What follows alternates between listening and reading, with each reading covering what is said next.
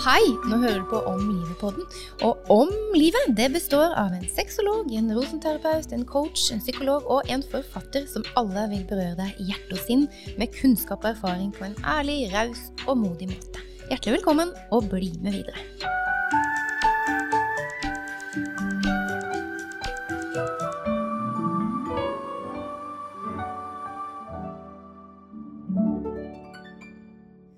Jeg er 49 år og skjønner at jeg har en interessant tid i vente. Overgangsalderen. Skal jeg tro det jeg leser og hører, er det ikke mye positivt å hente. Alt handler om plager. Men det må vel være noe mer?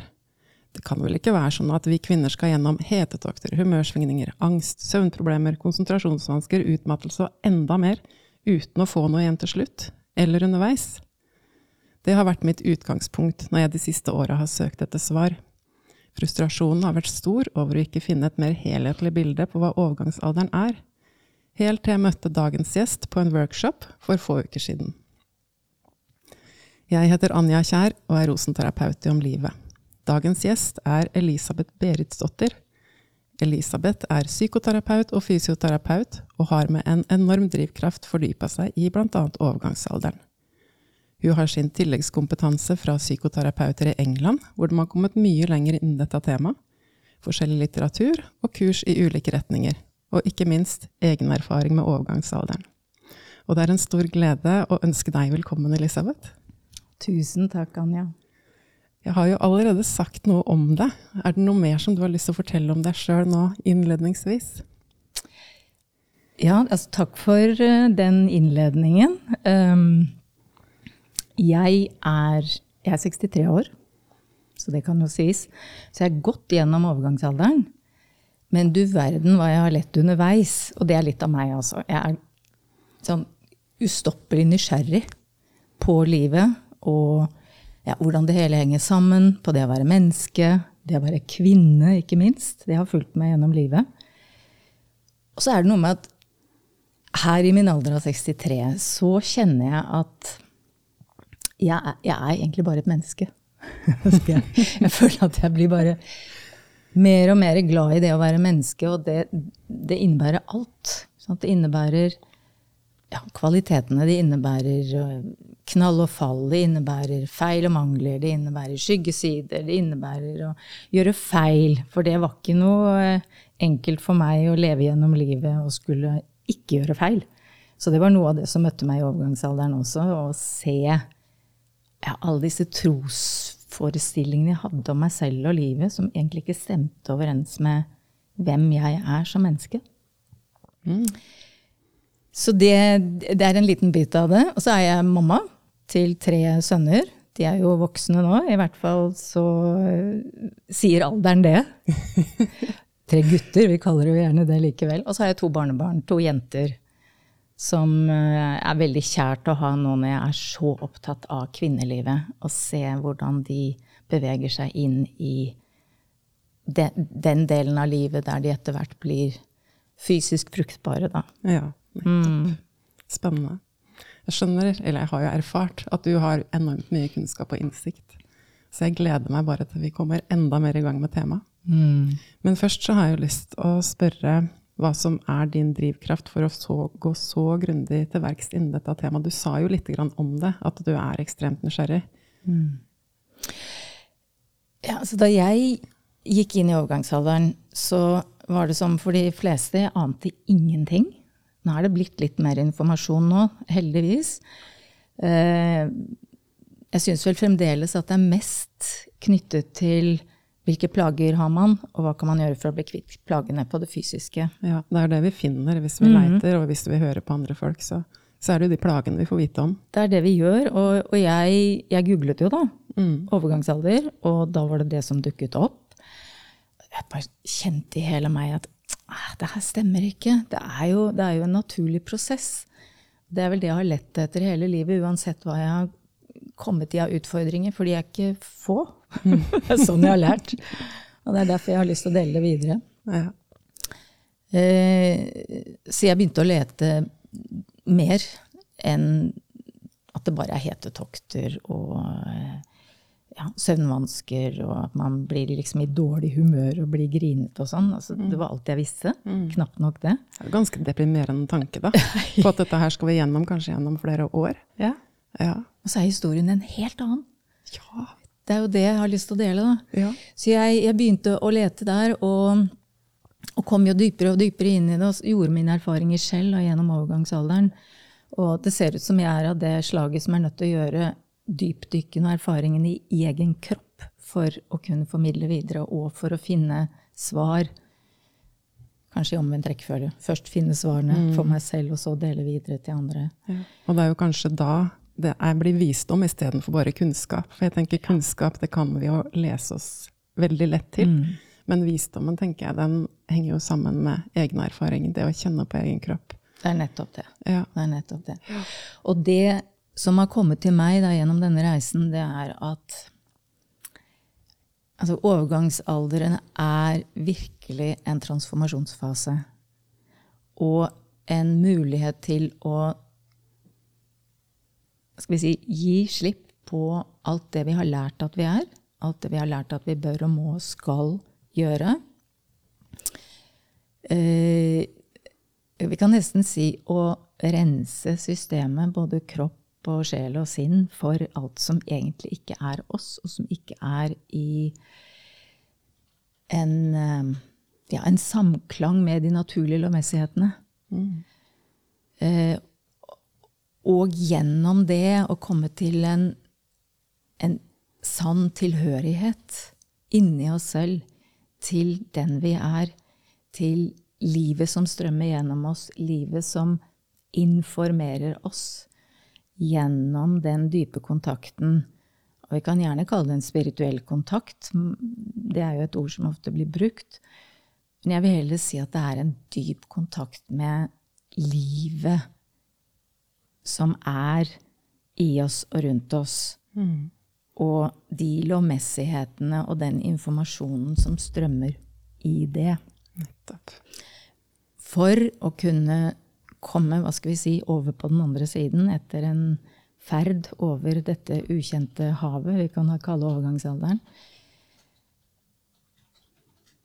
med en styrke og verdighet i å kjenne hvem, hvem jeg er, og hva jeg faktisk står for her i livet, og hva jeg ønsker å Hvordan jeg ønsker å leve for min egen del. Hvilken rytme jeg ønsker å leve i, og hva jeg er her for å bidra med i moden alder. I motsetning til, som jo ofte er frykten, da er jeg avdanka, jeg er ferdig, jeg jeg er ikke mer, jeg skal bare bli gammel, jeg regnes ikke med mer. Og så snu den forestillingen til noe helt annet, for det er det det er. Ja.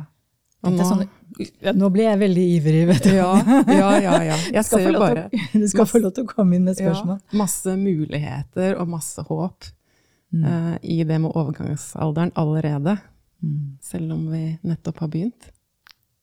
Så det er spennende. En lettelse, tenker jeg, for mange å høre om, eh, om hva som faktisk er mulig. Mm.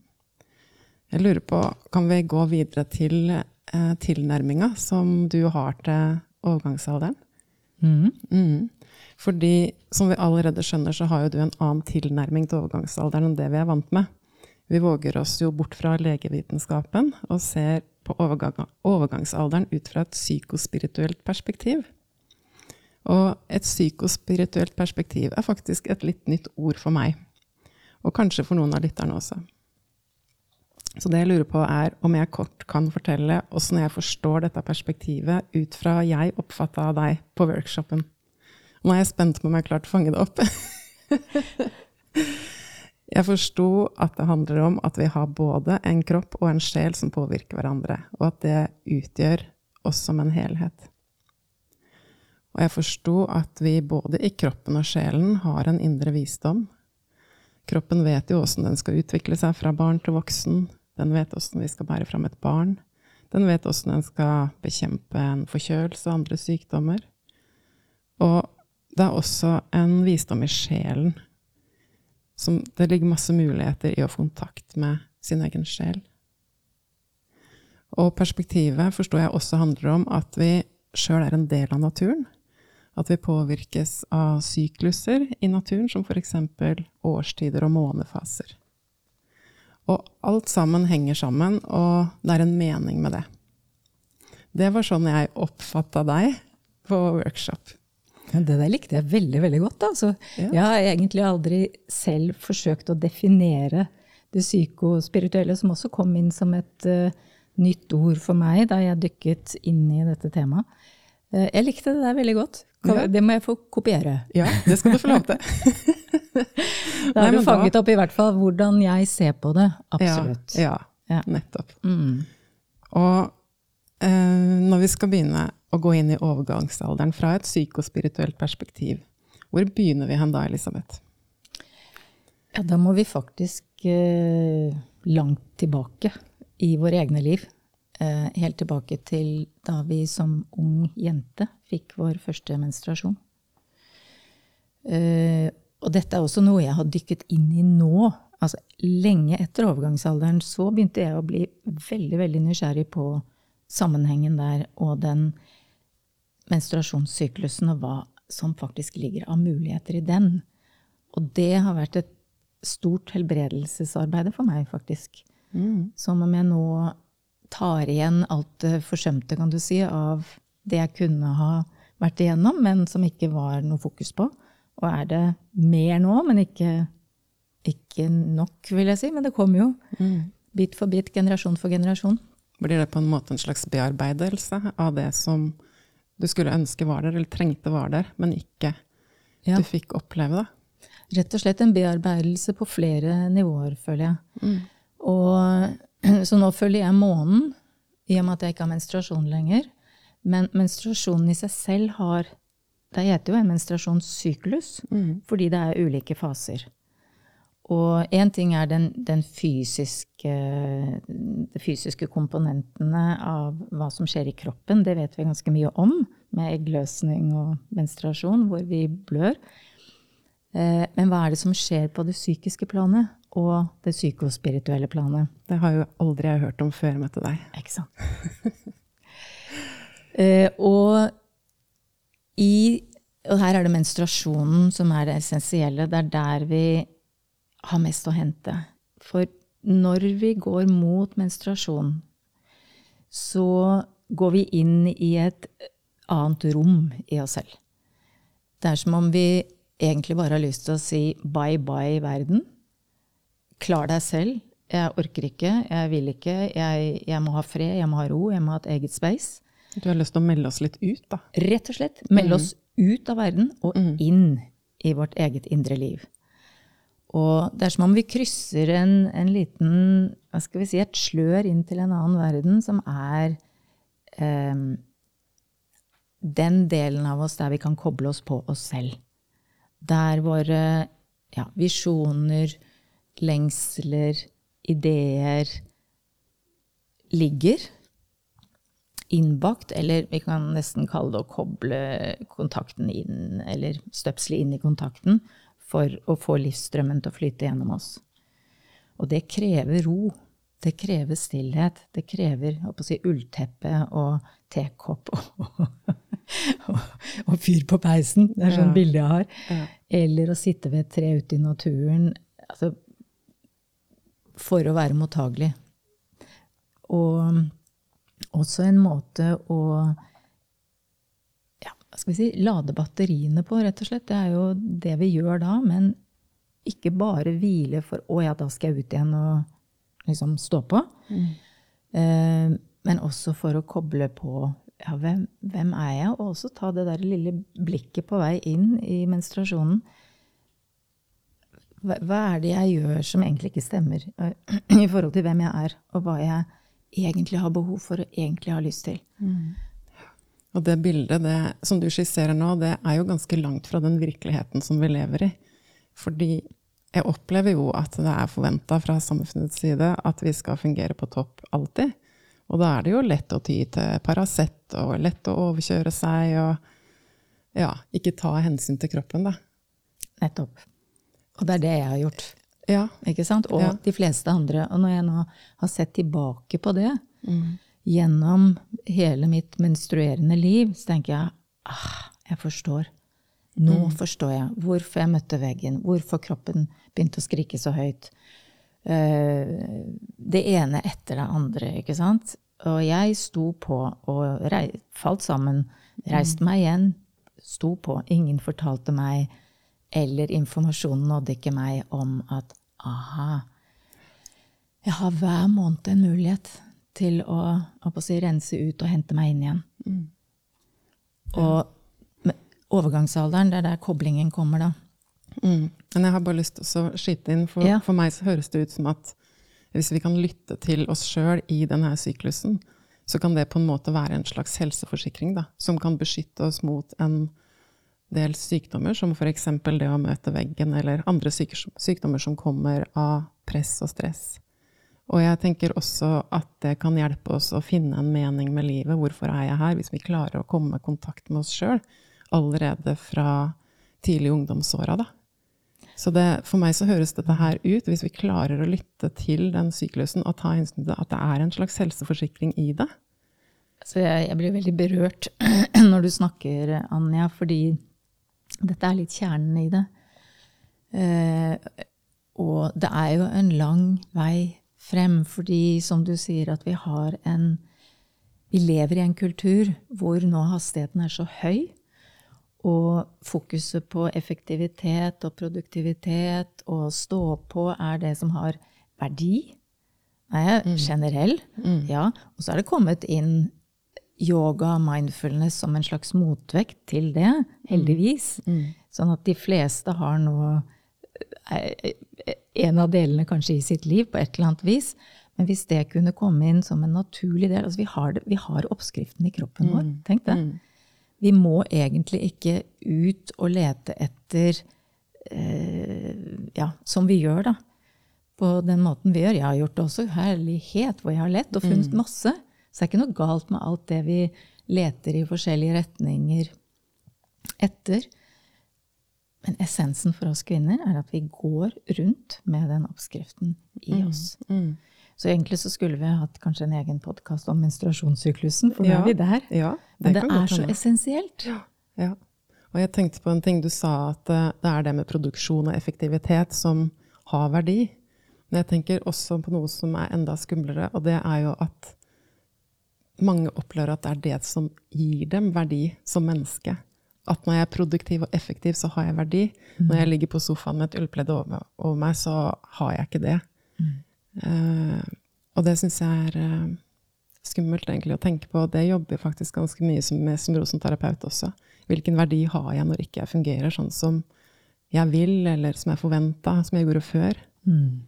Så mm. Ja, jeg gjenkjenner det, og jeg har eh, også jobbet mye som terapeut med de temaene, og mm. meg selv, og lagt merke til hva er det som dukker opp av tankeforestillinger mm. når jeg da ligger ja, da kommer automatikken. Åh, mm. jeg burde jo Nei, jeg kan jo ikke Nå har jeg ligget lenge nok. Dette er ikke bra nok. Og så går sinnet til hva skal jeg gjøre mm. istedenfor. For den er så innbakt i hele systemet vårt. Mm. Så ja. det er jo heller ikke bare å skru av og legge seg ned, for da kommer alt dette. Ja. Og det som òg kommer ofte, er jo det vi ikke tar oss tid til, eller hva skal vi kalle det, løper litt fra av de følelsene som også kommer, mm. som vi bærer på. Det mm. vet vi jo som terapeuter. At det er også en del av reisen, og for å bringe det til overgangsalderen Overgangsalderen er siste del av den fysisk fruktbare fasen. Mm. Og egentlig som en lang menstruasjon. Uten at vi blør. Ja. Men vi kan også kalle det den indre vinteren for å bringe det til årstidene at menstruasjonen er den indre vinteren hvor all energi i naturen ikke sant, den trekker seg inn og ned, og det blir stille, og det ligger der og venter på våren. Og det samme er energien vi kalles til som mennesker. Ja, vi er natur. Vi er den nærmeste naturen vi har. Ja. Um, som vi jo har fjernet oss mye fra da, i vår kultur. Så det å bringe oss da inn og ned er det ja, vår kropp og sjel ønsker. Ja. Hvis noen lurte på hva som skjedde, så hvelva jeg et vannglass. Jeg har Ja. nettopp eh, fornyet min Mac, for jeg har klart å vannskade den Ja. før, så jeg skyver den litt dit, jeg. Jeg setter en liten pauseknapp på.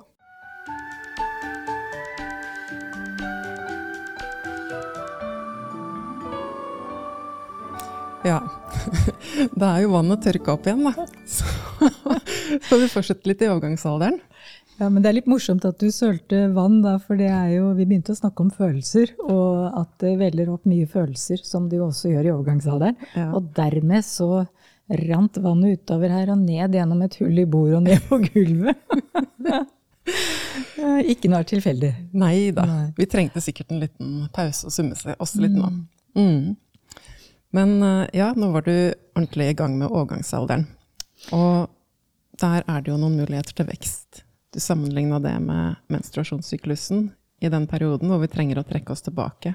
Mm. Og der ligger det mulighet for vekst. Det ligger muligheter for vekst, og, og for at noe skal vokse, så må det faktisk være en vinter først. Ikke sant? Mm, mm. En dvaletid. Og det er overgangsalderen til for i veldig stor grad. Sant? Mm. Um, det kan kom, ofte komme til uttrykk som Nå orker jeg ikke mer. Kan dere være så snill å bare flytte dere ut av mitt space? Jeg orker ikke å serve mer. Eh, Ikke en matpakke til, ikke en middag til. Den kleskurven, jeg orker ikke se på den. Ikke flere krav. Altså alt dette som egentlig er et tegn på at jeg må ha mitt eget space. Jeg trenger hvile, jeg trenger tilbaketrekning. Eh, Jeg vil hjem til meg selv. Jeg vil finne ut av hvem jeg er. Jeg må inn i hulen min. Og der har jeg lyst til å være ganske lenge, egentlig. Sant? Det er ikke bare tre til fem dager som menstruasjonen er. Men det er en lengre tid. Og jeg har bare lyst til å skyte inn det jeg kjente da jeg gikk inn i den tiden. Det begynner jo nå å bli elleve år siden. 52 var jeg. Eh, Så tenkte jeg, kjære vene, tenk om, og kanskje det blir en realitet en gang. Hver eneste kvinne gjennom overgangsalderen får en fødselspermisjon på ett år som de kan velge når de vil ta, betalt. Akkurat som når man føder fysiske barn.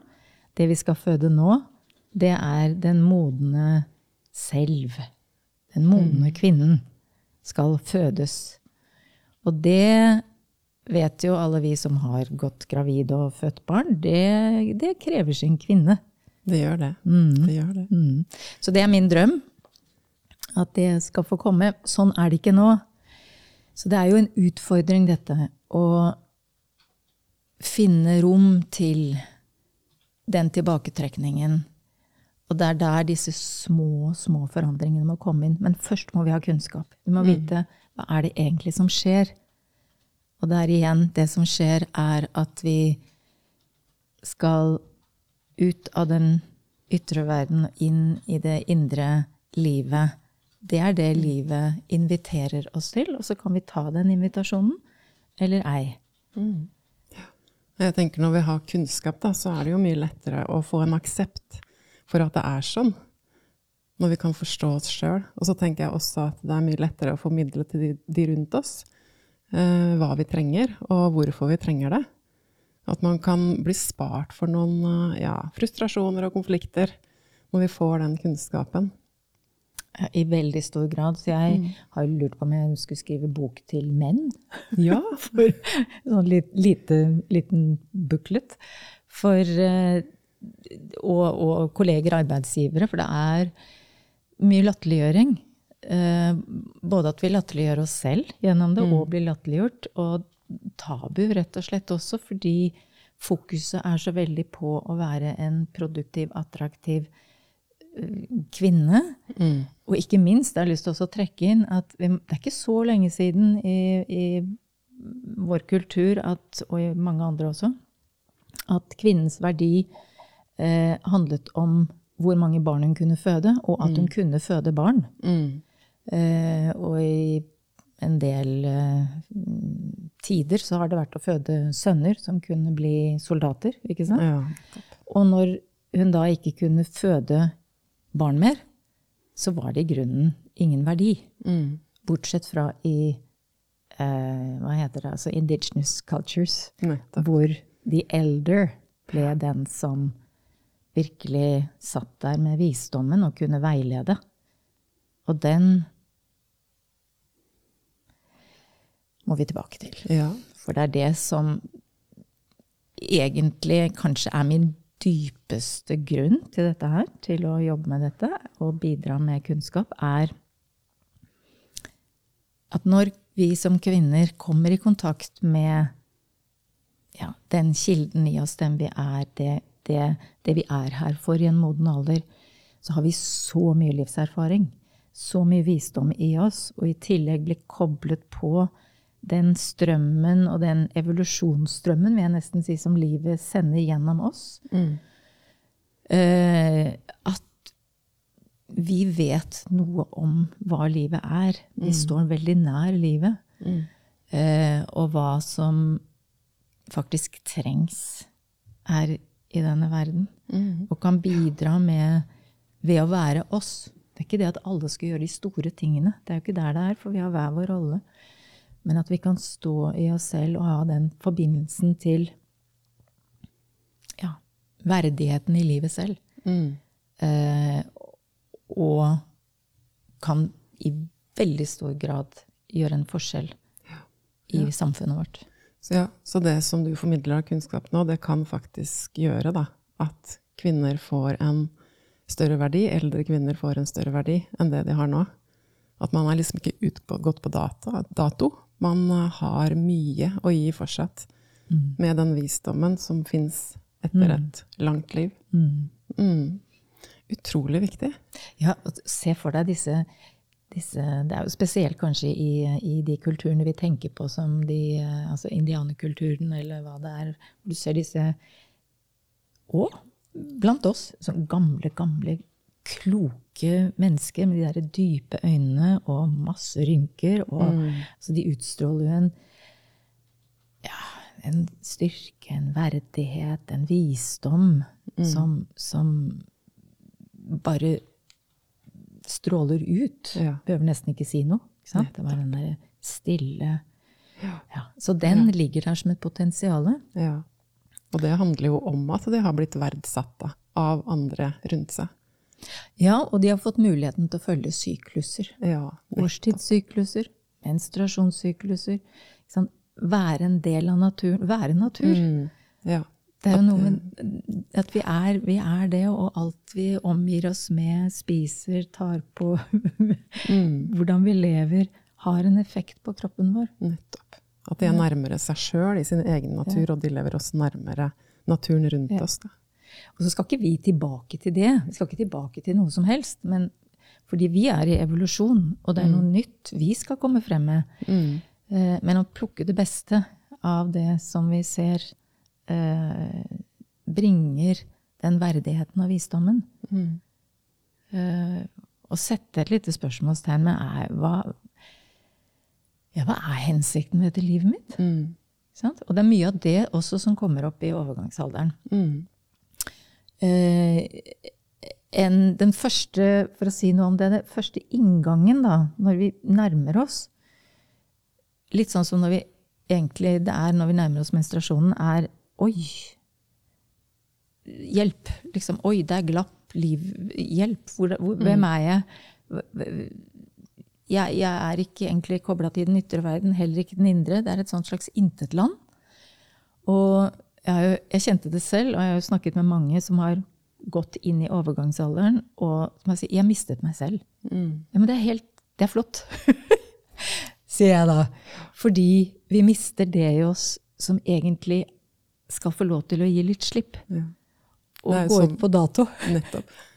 Jeg får et bilde av at vi mister mønstrene våre. Da. Ja. Og at vi, vi har så mange mønstre som former oss, at vi tror at det er oss sjøl. Men så er det egentlig mønstrene som vi gir slipp på, og så kanskje vi sitter mer igjen med oss sjøl. Da må vi bare ikke finne helt fram til det ennå. Og det det tar jo tid. Det tar tid. Ja. Det tar, ja, vi mister det. Og vi møter, vi møter på en måte det i oss som trenger å bli sett og kjent og, og, og bearbeidet. Og en veldig, veldig fin tid å søke hjelp. Annet om det er en rosenterapeut eller hva det er. Ja. Fordi ting kommer opp til overflaten. Ting som vi ikke har hatt mulighet til å bearbeide før. Mm. For alt i sin tid. Ja. Ja, den fasen som var, den er mer den aktive Vi bygger? Vi bygger familie, jobb, hus Alt det ytre fysiske som er vår Den delen av livet skal være sånn. Mm. Helst med å følge en syklus allikevel. Ja. Og når vi kommer inn i den eldre fasen, som overgangsalderen leder oss inn i, så går vi inn i en visdomsfase. Vi kobler oss på livet på en annen måte. Og interessant nok, det skjer endringer i hjernen. Mm. Det syns jeg er litt kult. Mm. At en, for en god stund så er det litt eh, sånn stengt av ombygging. Egentlig hele systemet. Ja.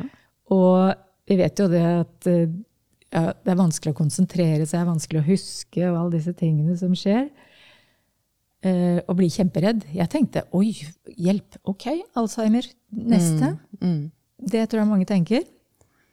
Når jeg ikke visste noen ting om det. Men så leste jeg også det at dette er en naturlig omgjøring av hjernen hvor de intuitive sentrene skal bygges opp mer og bli litt mer aktive. Og de tingene vi skal huske, de, de sjelen vår forteller oss er viktig å huske, de husker vi. ja. Mens Så- alle de detaljene som egentlig ikke vedgår den dypere delen av oss, de husker vi ikke. Og sånn er det jo. Og så er det frustrerende, for vi vil så gjerne ikke sant, være som før. For det er det vi kjenner. Mm. Så det er ukjent, og alt med det ukjente er jo skummelt. Klart det. Ja. Og det som jeg ser for meg nå, da, det er jo at vi bruker mindre av den eh, logiske delen av oss, og så blir det mer den intuitive. Og det er jo en spennende endring, altså. Ikke sant? Ja. For det intuitive kommer jo fra denne livsstrømmen. Da, som, som det kommer noen impulser, og de kommer fra det indre rommet Ja. som vi går inn i. Ja. Eh, ja, i menstruasjon Mm. og i overgangsalderen. ja. Og så er det jo liksom, der vi er i dag, ja, hvordan navigerer jeg dette, da? Ja. I den verden vi lever i, hvor jeg kanskje har full jobb, kanskje har jeg tenåring hjemme, eh, jeg har mann, jeg har foreldre kanskje som er eldre. Hvor- Hvordan skal jeg trekke meg tilbake? Liksom? Mm. ja. ja. Det virker helt uoverkommelig.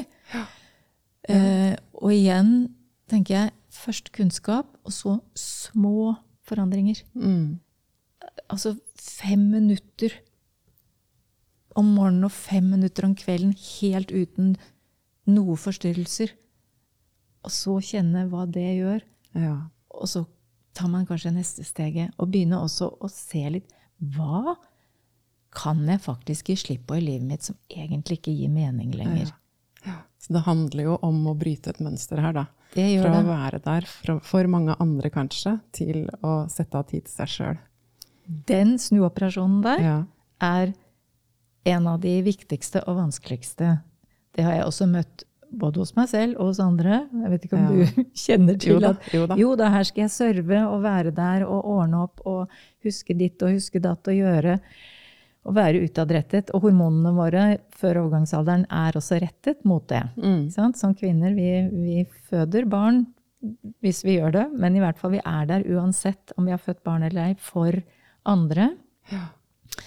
Eh, oksytocin er med på det. Mm. Og så er det hormonelle endringer som skal være der gjennom overgangsalderen. Eh, og som får oss til å ikke ha lyst til det mer. Men hodet sier ja, men det er jo det som er min verdi. Ja. Ja, dette er jo ikke bevisst, men, ja, men det er jo det jeg er kjent for, eller det er jo det jeg er vant til, og det er det som gjør at jeg føler at jeg har verdi. Mm. Og så har jeg plutselig ikke lyst. Så jeg, jeg trodde jeg var blitt uh, superegoist. Jeg tenkte, Ja. jeg har mistet empatien min. ja. For jeg hadde ikke lyst til å serve noe som helst, noen som helst. Det er jo egentlig en skremmende opplevelse, da, å Ja. merke en sånn endring. Er det? Ja, Og så ikke vite ja, hvem er jeg, ja, eh, og hva skal jeg egentlig? Og, så jeg skjønner veldig godt de som velger å ikke gå inn i det òg, for det er når vi ikke vet hva det kan føre til. Når vi ikke vet at dette er initieringen til en alderdom hvor jeg kan være ja, litt som jeg har delt, da. ja. I dypere kontakt med meg selv og kjenne en dyp mening med det. Kanskje Ja, en dypere mening enn jeg noen gang har kjent i livet. Ved å være meg. Høres ut som en gave. Så, Det er en gave, og det tar litt tid å pakke opp den gaven. Det er noen sånne knuter og Du vet de der pakkene hvor vi pakket inn med det ene papiret etter det andre, Ja. og til slutt så var det en gave innerst. Det er litt sånn. ja, ja. Mm. En tålmodighetsprøve. Jeg har jo et spørsmål her om hva, hvilke behov en kvinne kan ha i overgangsalderen, og du har jo allerede svart litt på det. Det handler jo om å sette grenser for andre og prioritere egne behov. Og når det kommer opp gamle ting da, som vi trenger å få jobba litt med, så kan det også være nyttig å ha en terapeutisk prosess. Uh, ja. Hos en terapeut som man har tillit til, og sånne ting. Er det noe Absolutt. annet vi kan trenge i overgangsalderen? Ja, egentlig. Ja. Veldig mye. Veldig mye. Eh, jeg tenker at det er veldig for de som ikke ennå er i overgangsalderen, da, å forberede seg. Mm. Eh, for kroppen begynner jo å snakke ja, Den snakker jo hele livet, kanskje fra 40 og fremover. Så begynner den å si ifra der det butter. Ofte på et fysisk plan eller eh, emosjonelt plan. Som egentlig er litt sånn Nå har du muligheten til å gjøre noe. Du har muligheten til å gjøre noen forandringer her. Mm. Eh, det kan være kostholdet. Kjempeviktig. Eh, og det er jo, en, å det er jo nesten en podkast i seg selv også, Ja. for det er mye knyttet til det. Og eh, endre kostholdet slik at vi kan leve balansert. Kan du si noe veldig kort om det Jeg kan si noe? Hva som lønner kort. seg? Ja. Ja. det, det første bud er å spise slik at man har et balansert blodsukker. Og det fins det masse informasjon om. Mm.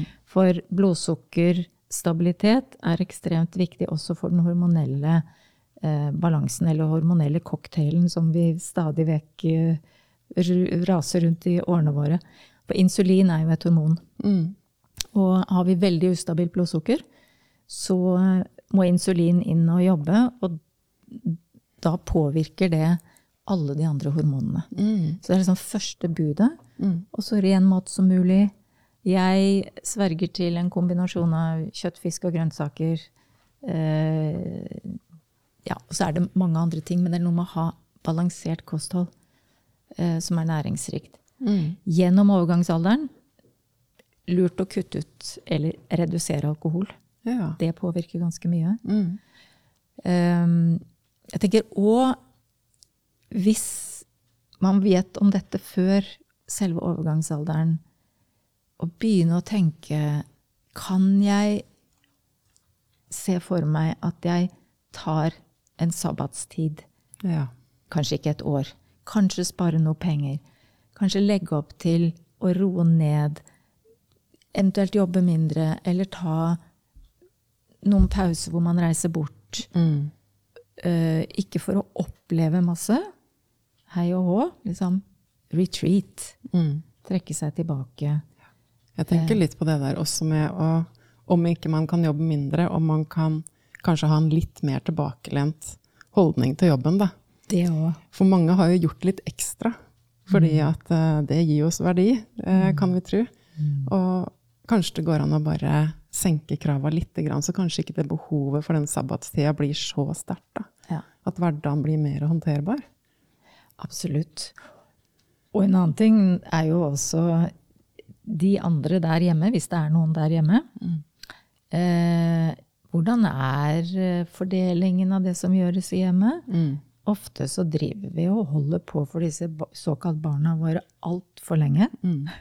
Så det er litt å hente på ulike områder. Det er litt å hente her og der. Så, Ja. så det å tenke litt fremover uten å tenke at jeg er på vei til overgangsalderen, men vite at ja, den kommer, Mm. og, og planlegge litt, grann, sånn at det ikke, sånn som for meg, kom kastet på meg uten at jeg skjønte hva det handlet om. Mm. Mm. Ja. Eh, Det er viktig. Og jeg tenker også som så at um, det er veldig godt å ha et eget space i huset. Mm. Det er jo ikke alle som kan ha eget soverom. Uh, men det kan være godt å ha muligheten til å sove alene, f.eks. For, for å være Det er veldig sårbart. Vi er veldig nakne Mm. i overgangsalderen. Vi er, det er som om vi blir litt hudløse og ja, Jeg liker jo godt denne historien om sommerfuglen. ja. Nettopp. Skal jeg ta den? Gjør det. Veldig kort. Ja. Skal jeg prøve? Fordi sommerfuglen er jo et symbol på transformasjon. Ja. Og det er en transformasjonsprosess. Og en liten larve er en larve. Og så en dag finner den Ikke finner ut, men det skjer av seg selv at den, det, det skapes en kokong. Den henger der. Og så går den helt i oppløsning. Mm. Det er ikke noe larve mer, og det er heller ikke noe sommerfugl. Dette er fasen vi snakker om hvor Hjelp, hvem er jeg? ja. Og vet ikke hvem jeg skal bli. Eh, det tar sin tid. Det er sin tilmålte tiden. Det er ikke noe som kan pushes på. Og gradvis utvikler da denne mushy-mushy-celleblandingen seg til en sommerfugl. Mm. Og det ligger innbakt i oppskriften. Ja. Akkurat som hos oss. Det er det som er poenget. Ja. Så i sin egen tid må den få lov til å seg, føde seg selv ut. Mm. Det tar òg litt tid. Det kan vi ikke hjelpe den med, for da blir den ikke, blir den ikke flyvedyktig. Og så kommer altså den vakre, skjønne skapningen ut. ja. Tenk det. Ja. Så det er den kokongen vi kan forestille oss, da. Den kokongen og hvor, hvor Ja, hvor det er ingenting. Det er, det er sårbart, det er nakent, det er Jeg vet ikke. Jeg er i et slags sånn tomromsspace. Mm. Men du verden hva det kan bli. Nettopp. Tenk det. Så det, vi kommer ut av hva skal vi kalle det, tunnelen eller denne fasen med styrket. Mm. Ja. Ja. Når du snakker om det der med eget soverom, så tenker jeg jo på det temaet med seksualitet. Mm. Og for noen så er det noe som er viktig, og for andre så er det kanskje ikke det. Men er det noe du kan si generelt om overgangsalder og seksualitet? Som alle andre aspektene våre, altså det mentale, det emosjonelle, det fysiske og det spirituelle, så er også det seksuelle i transformasjon. Det er som jeg sa, total makeover her. Mm -hmm. ikke sant? Denne igjen sommerfuglen.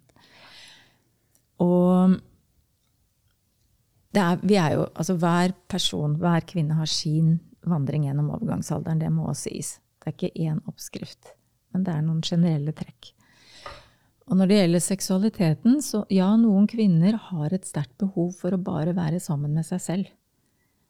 Og, å gå igjennom den endringen det er, uten å ha en seksuell partner der som hun skal fortsette med på samme måte som før.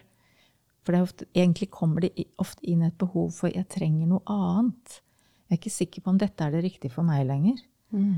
Eh, det er nå én ting, men så ligger det mye forventninger både hos kvinnen og mannen til at alt skal være som det alltid har vært. Ja, for det så. høres ut som en veldig vanskelig grense å sette da, for mange, om Det det, har det. vært viktig tidligere. Det er jo det. Og eh, det går jo an å altså Bare man vet det, så går det jo an å snakke om det og være gode med hverandre på andre måter. Mm. Eh, og respektere jeg tenker Det handler veldig mye om at kvinnen selv respekterer seg selv. Fordi hun kan ikke forvente at mannen skal gjøre det hvis ikke hun selv gjør det, eller formidle det. Mm. Eh, så er det jo ikke sant, endringene i kroppen også, så mange får tørre slimhinner. Det fins det jo nå mye hjelp til Mm. med kremer og den type ting. Så det er nok ikke det store problemet. Det er mer det at det er, det er en tid for å trekke seg litt tilbake fra alt. Og det handler ikke om mannen. Det er ikke noe feil med han, men fy søren hvor mye menn ofte får av pepper Både rett før menstruasjon og i overgangsalderen, fordi vi har så lett for å tro at det er det ytre som det er noe gærent med. Mm. Og fordi vi ikke vet nok. Vi vet ikke. Nei. Og så handler det rett og slett om at jeg, jeg, jeg må trekke meg tilbake, og du er i veien hvis, hvis du er der. Mm.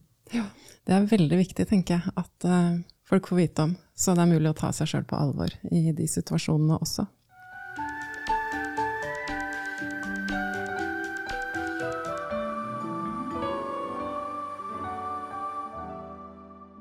Det her med stress, det har vi jo snakka litt om.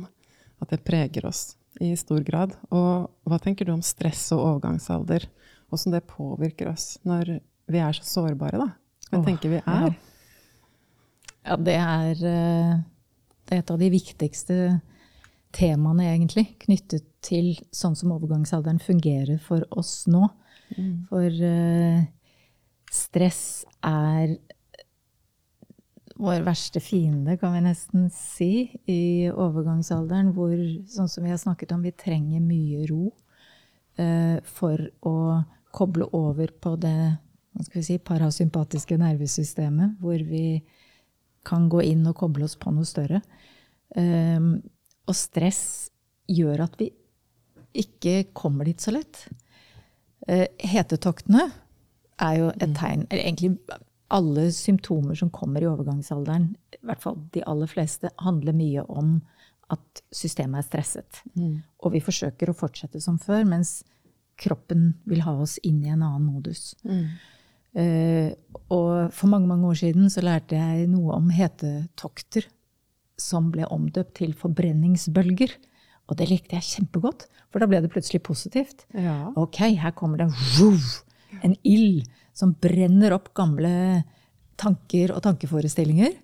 Og jeg begynte å legge merke til at når jeg hadde hetetokten eller forbrenningsbølgen på vei, ja, så hadde tankene mine vært i et eller annet bekymring, noe som stressa meg, noe som fikk liksom, systemet til å være på alerten. Mm. Så da gir det jo mening, da, å ha en sant? hetetokt i ny og ne. Ja, Ja. det gjør det. Ja. Eh, og når jeg begynte å ha det fokuset, ja, så, så lot jeg det skje. Um, og det er jo når, når vi er i stress, altså det kan være tanker vi tenker, det kan være maten som vi har snakket om, som stresser kroppen, Uh, det kan være at vi rett og slett ikke følger våre behov, at vi gjør en del ting som vi absolutt ikke har lyst til, egentlig, fordi vi har alltid gjort det. Mm. Eh, som eksempel å ringe en venn vi syns vi må ringe. Ja. Fordi vedkommende har det så fælt. Så har vi egentlig ikke lyst, vi har egentlig ikke noe å gi. Vi er ikke på giveren. Det stresser. Uh, at vi ikke lar oss selv bli ivaretatt. Mm. Som eksempel å unne oss en massasje. Eller dele fotmassasje med en venn. Det er helt gratis. Mm. Utrolig deilig. Bare 20 minutter med litt soft music i bakgrunnen. Det skal ikke så mye til eh, for å bryte det stressmønsteret. Alltid være på farten til noe. Ha fylt opp kalenderen fullt og helt. Det stresser. Ikke sant? Um, når fortidens mm, ja, Gufs. gufs. Vi kan kalle det ubearbeidede hendelser, traumer, følelser som ikke har vært bearbeidet, kommer til overflaten og, og blir skjøvet vekk. Det stresser kroppen. Mm. Så det er, det er på så mange fronter at vi har eh, så god hjelp av og alt som kan få oss til å roe systemet. Mm. Yoga er jo nydelig. altså Yoga nidra, yin-yoga, eh, mindfulness, meditasjon, tur i skogen. Alt som får oss ut av fight or flight og freeze, egentlig. Det er jo, for da er adrenalin og kortisol på høygir for å få oss til å løpe fra bjørnen eller tigeren. Det er jo egentlig den effekten det skal ha. Ja. Mens det er ikke noe å løpe fra. Så vi bare holder det i kroppen, og så er det stress, og da går hjernen bare i ring i problemer og bekymringer Ja. hele tiden. Og så forsterker det overgangsplagene, da. Det er det de Som gjør. vi får lese så mye om. Det er det de gjør. Ja. Jeg tenker jo litt også på hvilke mennesker vi omgir oss med. At det er noen mennesker vi kan eh, vokse litt ifra. Og at kanskje vi må tørre å være litt ærlige med oss sjøl, da. Eh, om den relasjonen nærer eller tærer, eller om det er begge deler. Mhm. Og kanskje være åpen for å, for å At det skal skje en endring der også. Ikke sant? Det kan hende vi må ta noen samtaler Mm. med mennesker som kan være litt vanskelige òg. Det er en del opprydningsarbeid vi faktisk driver med. Da. Mm. Opprydning på vei til oppvåkning. Ja. Um, og et eller annet som kom til meg akkurat når du snakket nå. Ja, det forsvant igjen. ja. Ja. Da har jeg lyst til å gå videre eh, med et nytt spørsmål. jeg. For nå snakker vi jo om den naturlige overgangsalderen. Den som får gå uten at vi tar noe hormontilskudd. Og åssen tenker du eh, at hormoner kan påvirke den naturlige overgangsalderen, og hvilken holdning har du til det? Ja, det er som uh, intervjuobjektet pleier å si, det er et veldig godt spørsmål. Ja. Eh, først så vil jeg si at jeg skjønner veldig godt at noen velger det. Og jeg tror samtidig at det er flere valgmuligheter, og at den kunnskapen jeg ønsker å bringe frem, kan være noe som gir kvinner mulighet til å velge noe annet. Eller en kombinasjon. Um, jeg tenker òg at overgangsalderen nå er for mange ganske tøff, fordi vi lever i en tid hvor, som vi har snakket mye om, det er mye stress. Og hele verden er i overgangsalder. Mm.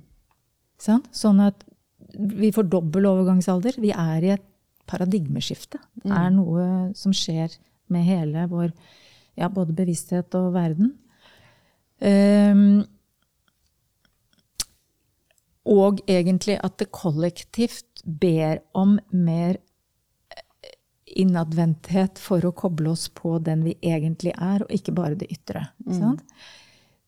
Så når disse symptomene blir så heftige at vi ikke klarer hverdagen vår som den alltid har vært, så skjønner jeg at det er veldig lett å eh, innta hormoner for å fortsette mer som det var. Mm. Ja, da, da gjør vi på et vis det, eh, sånn at vi klarer den hverdagen vi har skapt oss. Hva det gjør med muligheten for å koble oss på vårt dypere selv, vet jeg egentlig for lite om, så det kan jeg ikke si noen ting om. Men en sånn hunch jeg har, sånn magefølelse, er at det er ikke sikkert vi kommer i like dyp kontakt med den Får ikke koblet oss kanskje like dypt inn til den vi er. Og den oppvåkningen kan hende at det ikke blir den samme. Men det vet jeg ikke. Nei. Det er en undring vi kan ha. Det er en ha. undring vi kan ha, og som hver og en må jo velge sitt eget liv og hva som fungerer. Eh, men jeg holder nå en knapp på at hele vår kultur trenger, hele vårt samfunn trenger en forandring. Ja. Eh, det er ikke bare kvinner som sliter, også menn. ja da. Eh, når vi ser på alle symptomer og alle plager og alle ja, livsstilssykdommer. Så dette er litt sånn langtidsarbeidet, da. Mm. Det er ikke gjort på en generasjon, det her. Nei. Men med en del um, kunnskap og det en del stressreduksjon, så tenker jeg at eh, behovet for hormoner eh, vil endre seg veldig sterkt, da. Jeg tenker også det, og ønsker virkelig at eh, bevisstheten rundt hva overgangsalderen egentlig er, og verdigheten i overgangsalderen og livet etterpå skal få større plass. Ja. Slik at det er helt ok å gå på jobben og være i overgangsalderen. Mm. Og nå kommer jeg også på det her med menstruasjonssyklus. For den går jo heller ikke naturlig når man bruker f.eks. prevensjon, da, som p-piller eller andre hormonpreparater. Og da får jeg et inntrykk av at man går glipp av den muligheten til å trekke seg tilbake, til å få mer kontakt med seg sjøl. Til å finne kanskje mer mening. Ja. Og da blir det veldig et fokus på det ytre. Ja. Jeg tenker Noe av det som kanskje skjer nå med, med sosiale medier, hvor det er så ekstremt fokus på, den, på det ytre ved kroppen, ytre ved kvinnekroppen, eh, som er en forvrengning av ja, kroppen er essensiell, men det er kontakten med kroppen som er essensiell. Ja. Og den visdommen og oppskriften som ligger i kroppen, det er det som er det essensielle. Nettopp. Ja. Og det er den vi vil gjerne ha litt uh, lettere tilgjengelig, kanskje, da, som vi kan få gjennom å gå gjennom og akseptere overgangsalderen. Litt Og- sånn den er. Og menstruasjonssyklus. Ja, tenker på de unge nå også. Det er jo så mange utbrente Ja. kvinner. ja. Eh, og uforklarlige symptomer. Og jeg tenker at en av de er at vi, de ikke får mulighet til å følge sin menstruasjonssyklus, og de er døtre av en generasjon som heller ikke har gjort det. Så det er en sånn slags akkumuleringseffekt, har jeg en Ja. følelse av. Ja. Så, så mer at det er Dette er kollektivt. ja. Det er en kollektiv utfordring vi har her, Mm. som synes gjennom hva som skjer med kroppene våre, og hvilke plager vi får. Mm.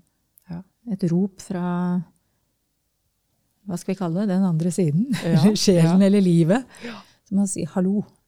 Hallo her. Det er noe som ikke stemmer. ja. Mm. Jeg skulle egentlig ønske at um, de som skriver ut disse her hormonpreparatene, hadde fått litt mer av denne kunnskapen også, fordi at jeg vet at det Jeg har erfart det sjøl, og jeg kjenner andre også som har blitt prakka på hormoner ved et bitte lite symptom, og de har egentlig ikke sjøl skjønt eller tenkt på at de trengte det. Mm. Og så livet består jo av en del ubehag.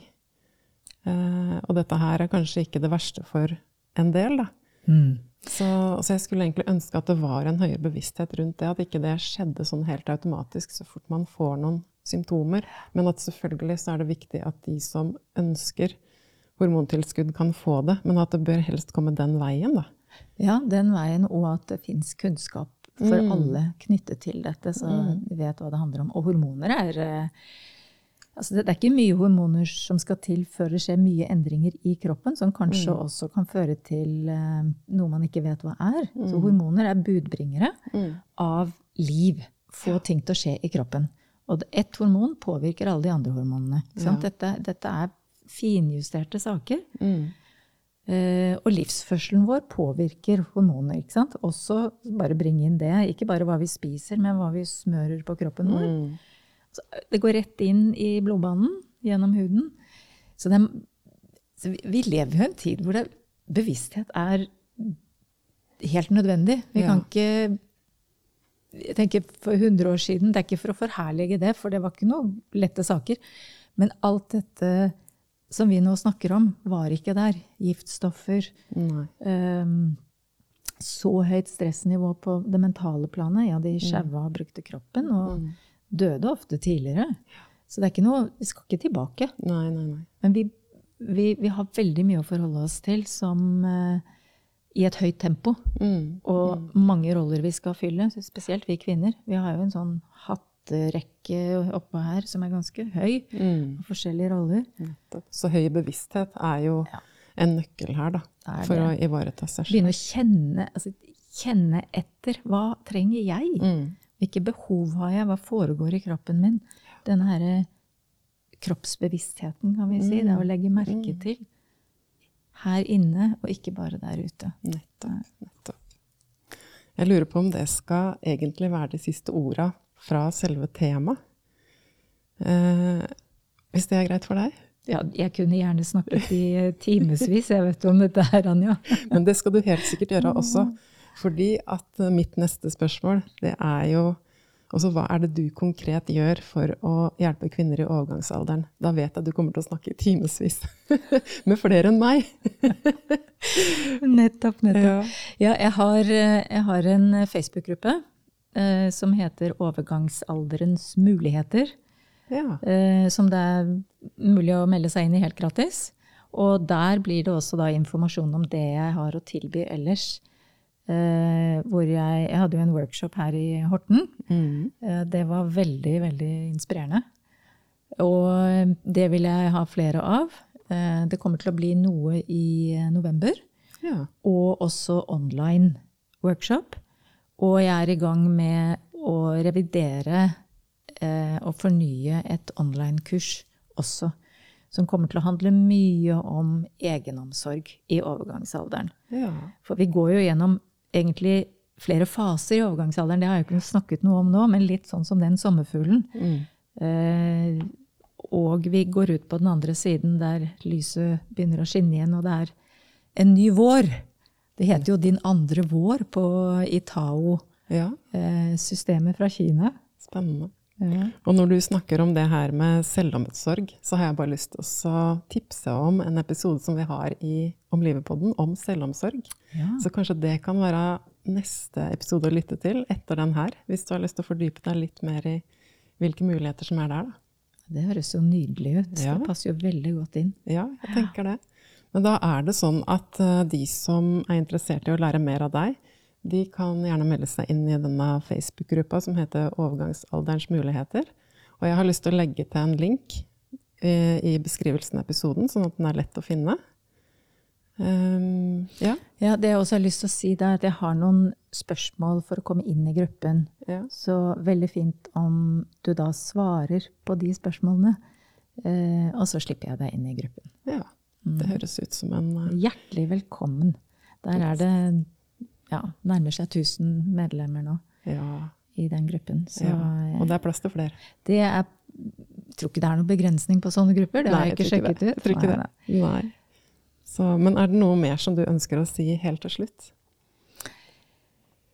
Mm.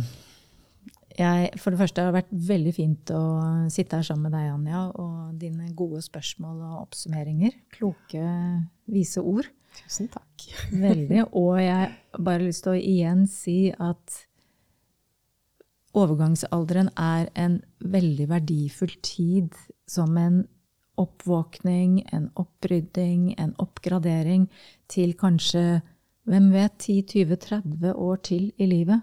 Det er jo det vi har nå som de ikke hadde før, hvor de døde ofte tidligere. Mm.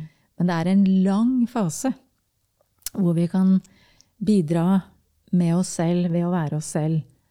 Og vi er mye tydeligere, vet du. Vi gidder ikke mer eh, tull og tøys Mm. Nei, nei, nei. etter overgangsalderen. Da er det klar tale. og hit og ikke lenger. Og det er, det er noe som skjer med oss som vi liksom står stødigere. Så det er en